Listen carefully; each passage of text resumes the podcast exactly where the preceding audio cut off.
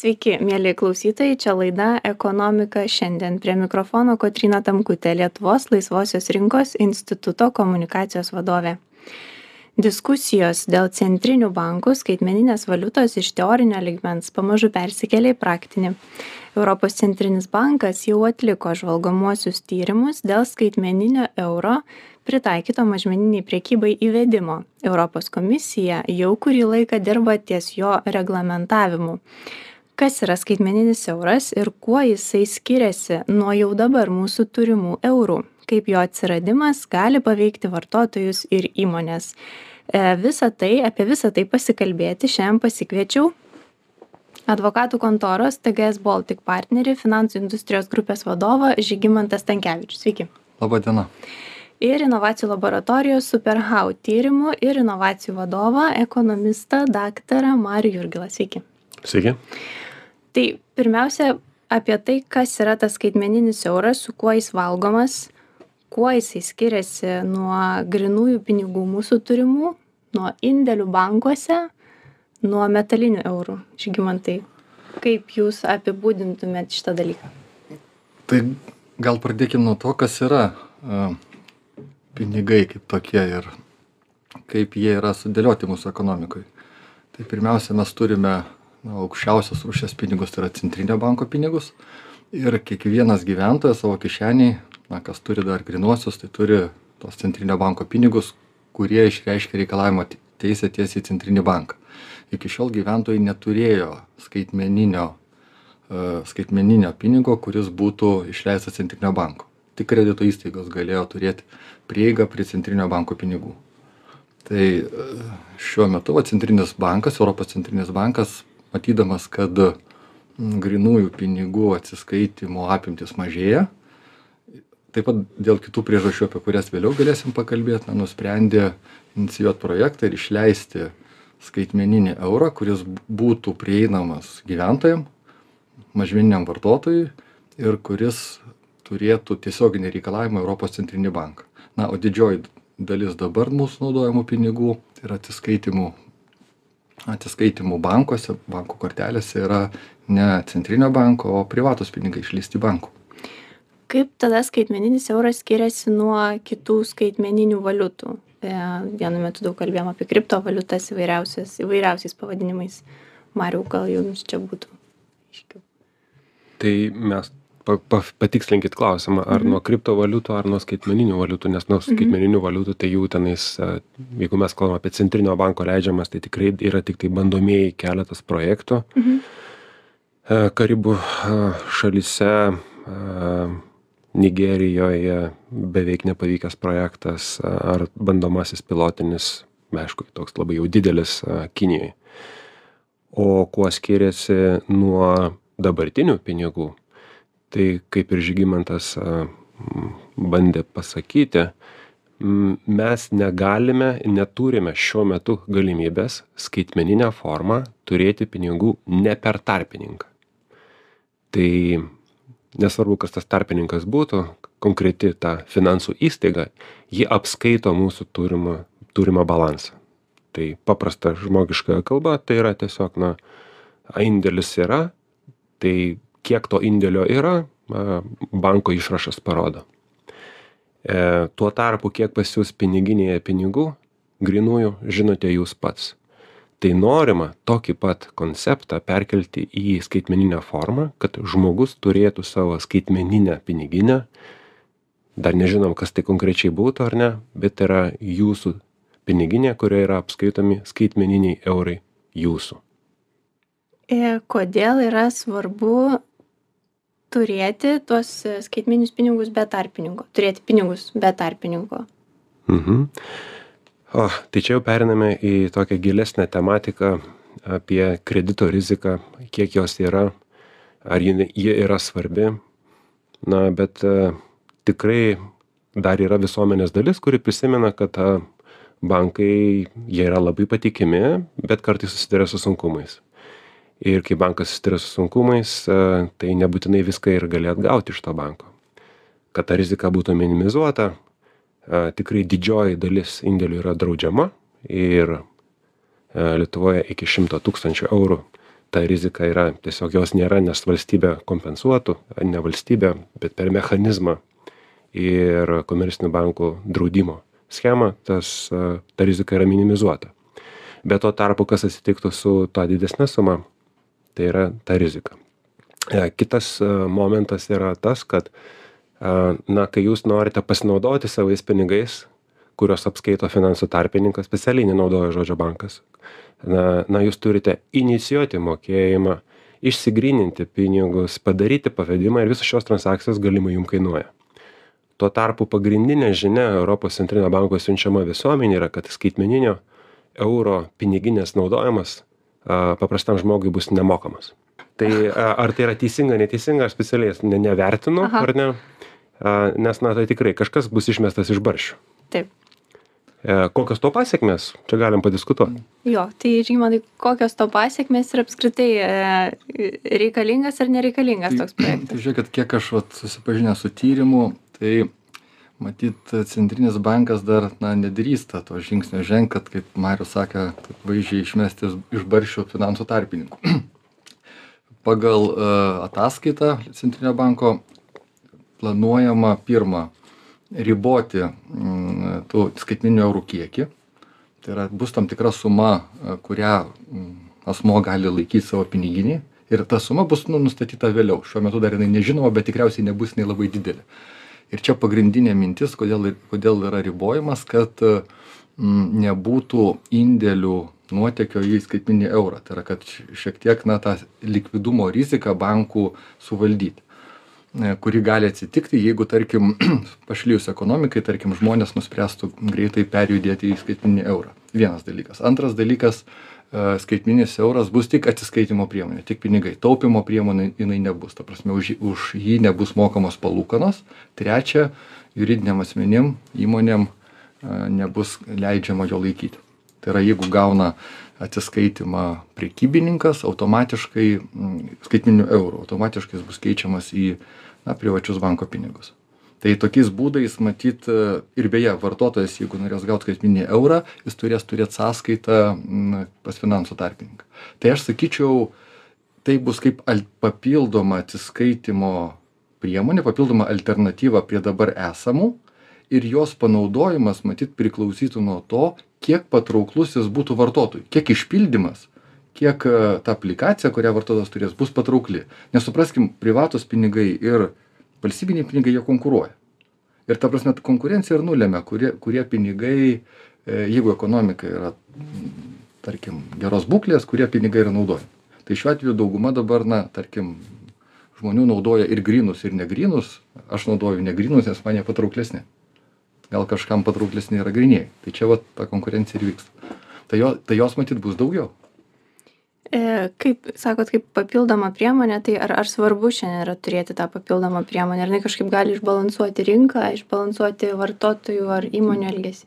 Nu, sunku pasakyčiau, vertinimus matyt atliko Centrinis bankas, jisai nemano, kad matyt išbalansuos labai, bet ką aš norėčiau pasakyti, kodėl, viena iš priežasčių mano nuomonė, kodėl šita iniciatyva yra, E, Europos centrinėme banke, e, matyt stebi Europos centrinis bankas, kad dabar didžioji dalis atsiskaitimo priemonių privačiais pinigais yra ne europinės.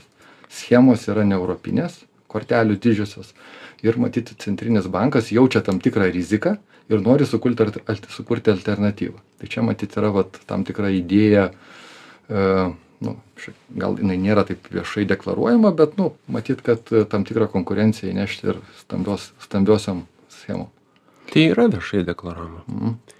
Tai taip ir tiksliai yra įvardinama, angliškai strategic autonomy. Strateginis nepriklausomumas, būtent, kad a, mokėjimo schema ar mokėjimo priemonė to pačiu yra infrastruktūra, nuo kurios mes tikrai esame tiesiogiai visi dalyvaujantis ekonominėse procesuose priklausom, nesvarbu ar tai būtų mokesčių mokėjimas, ar pensijų pašalpų mokėjimas, ar atlyginimų mokėjimas, tai yra vis tiek mokėjimas kažkokia tai mokėjimo priemonė. Tai tai tikrai taip. A iniciatyva buvo a nukreipta į mokėjimo priemones ir čia tas kampas yra paneuropinis. A gal kiekvienoje šalyje mes tikrai turime tikrai nemažą kiekį įvairių nacionalinių mokėjimo priemonių iniciatyvų. Yra nacionalinės schemos mobilios aplikacijos vienose šalyse daugiau kitur mažiau vienur dominuoja gryni kitur kiti. Bet ką nori atlikti europos komisija parlamentas ir na įgyvendinančioji institucija europos centrinis bankas e, užtikrinti pasiekiamumą visoje euro zonoje kad būtų plius minus vienodai. Ir e, privatus sektorius e, negebėjo pasiūlyti sprendimo. Buvo iniciatyva vadinosi european payment initiative ir didžiųjų bankų konglomeratas nesugebėjo susitarti tarpusavyje ir ta iniciatyva nenoriu naudoti žodžio žlugo, bet beveik žlugo, tiesiog nebuvo palaikymo. Ir galima sakyti, kad tada viešasis sektorius užpildo šitą vakumą, pasiūlydamas alternatyvą. Ar šita alternatyva tikėtina bus geresnė ar blogesnė negu kad galėjo būti privati, tikrai negalima šiuo metu vertinti, netgi dėl to, kad konkrečių parametrų mes dar iki šios momento nežinome ir mes dabar apeliuojame ir diskutuojame apie kam tikrus skaičius bet sprendimo nei europos parlamento nei tokio galutinio teksto mes neturime mes turime tiktai priminį tą pamąstymą kas galėtų būti skaitmeninis euras. Ir tai čia vat siūlau kitą kitą temą. Nors e, viešai plačiai diskutuojama tema yra e, mažmeninių mokėjimų skaitmeninis euras palengva į sceną išeina diskusija taipogi apie didmeninių skaitmeninių eurų mokėjimų schemą ir štai nuo sausio 31 dienos Europos centrinis bankas kviečia jau finansų rinkos dalyvius testuotis a, didmeninius skaitmeninius eurus.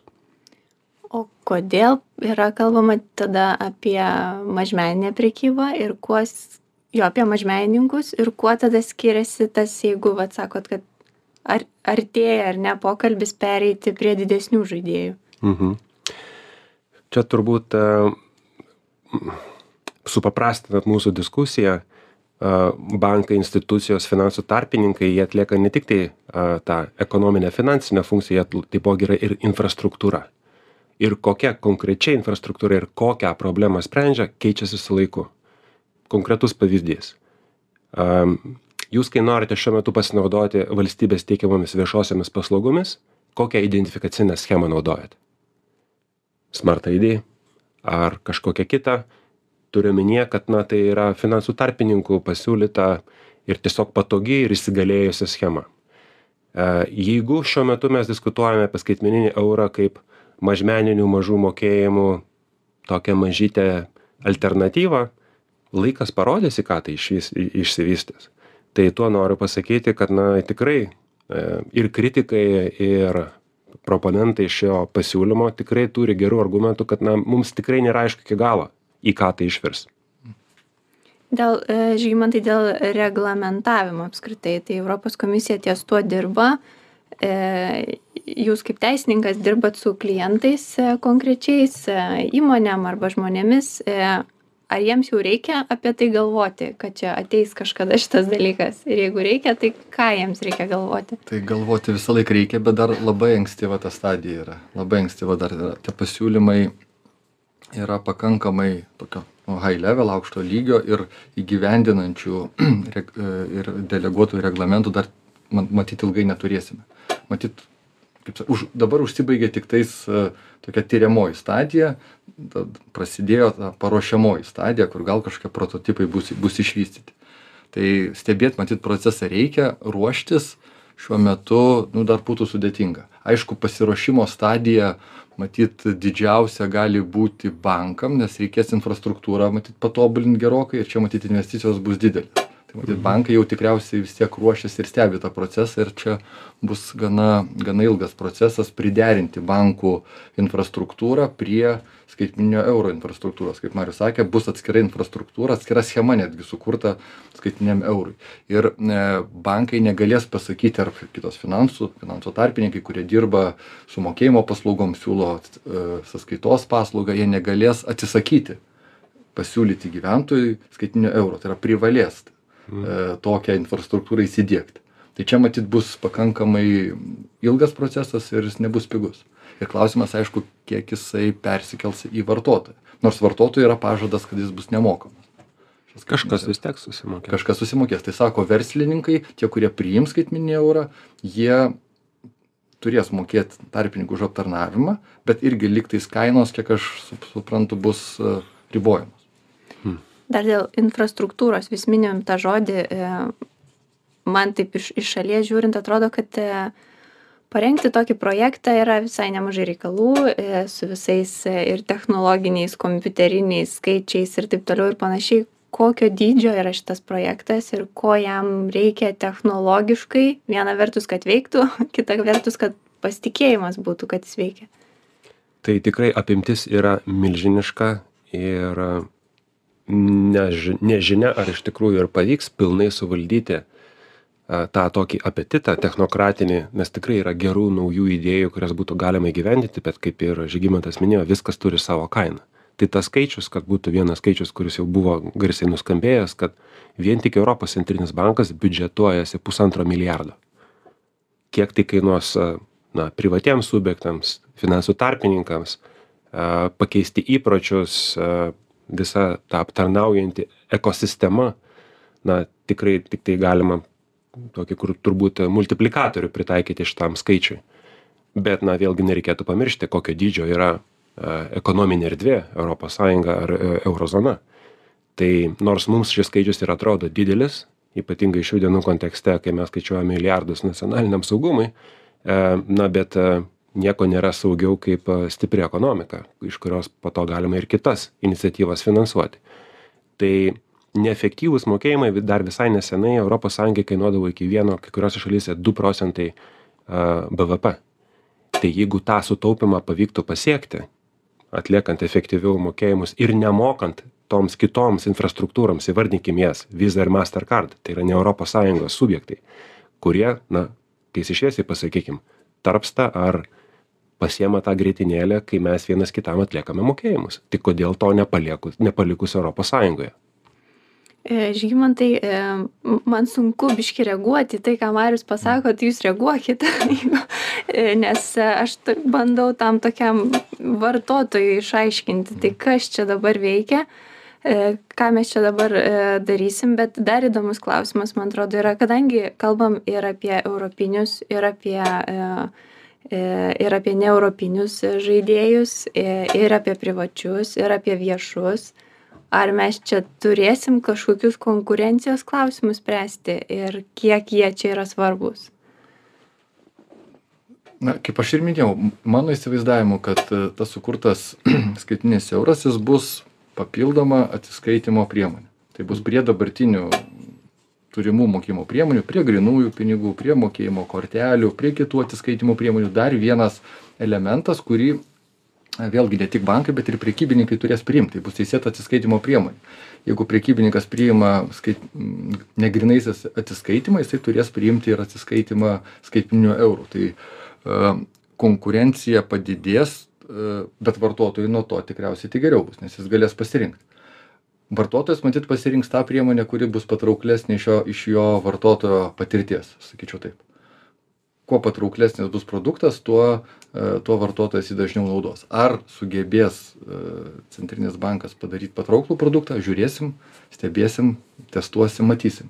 Bet e, mano galva ir finansų rinkos dalyviai jie matyt į savo sistemas integruos šitą skaitmeninį eurą ir darys jį tokį kad jisai būtų patrauklus nes matyt per tai dalis vėlgi ba žiūrėkim finansų tarpininkai jie suinteresuoti kad grynųjų atsiskaitymų kiekis mažėtų daugiau e, atsiskaitymų būtų atliekama ne grynaisiais pinigais. Tai čia toks kaip ir būdas irgi paskatinti žmones e, pakeist įpročius ir pereiti į negrynuosius pinigus tuo pačiu išlaikant tą tokį saugumo e, elementą kad aš turiu visgi reikalavimą ne į banką o į europos centrinį banką aš tai norėčiau sureaguoti kad na galbūt reikėtų skaitmeninio euro iniciatyvą vertinti ne tiktai per tiesioginį poveikį kurio galimai gali būti ir neypatingai daug dėl apribojimų ir tikėtino rezultato kad tai nebus labai patrauklus sprendimas nes na viešasis sektorius labai retais atvejais e,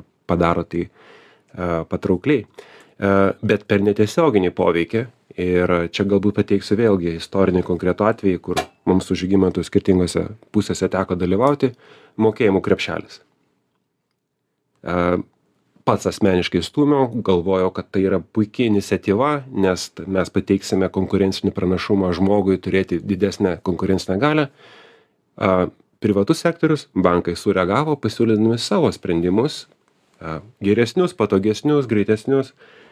Ir būtent per tai buvo didžiausias poveikis tai taipogi ir su skaitmeniniu euru gali atsitikti kad na bus pasiūlyta šita alternatyva jai žiūrėkite jau kiek laiko mes skyrėme diskutuodami bandydami ir visa kita o privatus sektorius gi nemiega.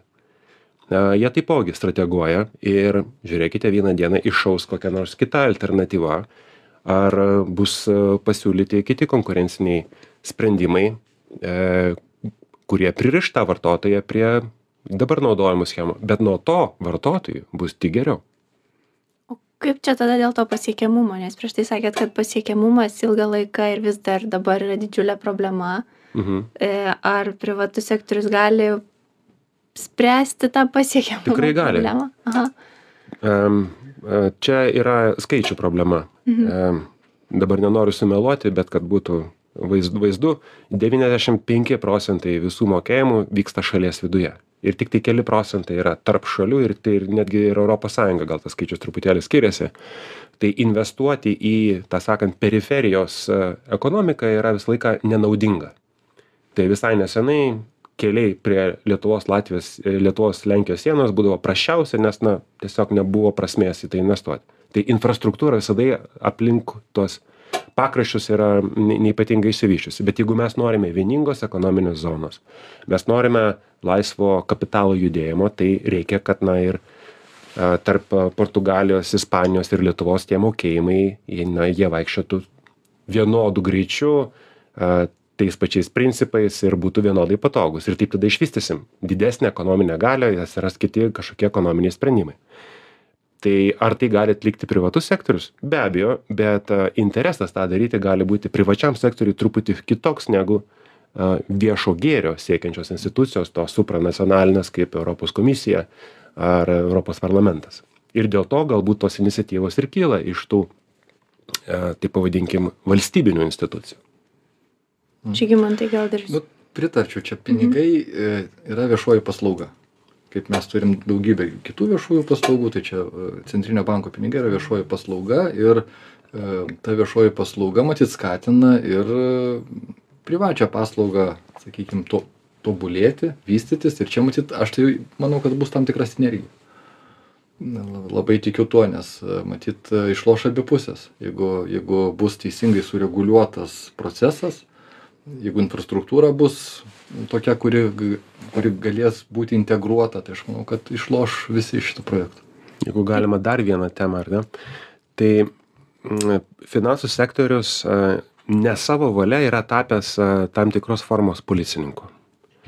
Am, Tas konkrečias rizikas galime įvardinti, ar tai pinigų plovimas, ar sukčiavimas, ar neteisėtas pasinaudojimas lėšomis.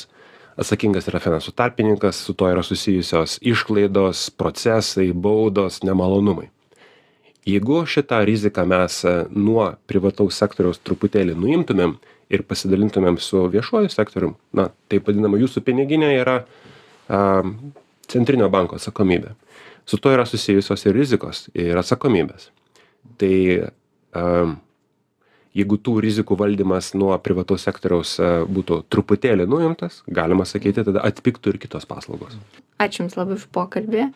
E, kvie, kviesim toliau narplioti skaitmeninio euro e, idėją ir galbūt kažkada ir įgyvendinimą viešam ar privačiam sektoriui. Šiandien kalbėjausi su advokatų kontoros TGS Baltic partneriu, finansų industrijos grupės vadovu Žygimantu Stankievičiumi ir inovacijų laboratorijos Superhau tyrimų ir inovacijų vadovu ekonomistu Mariumi Jurgilu. Klausytojus kviečiu likti su žinių radiju.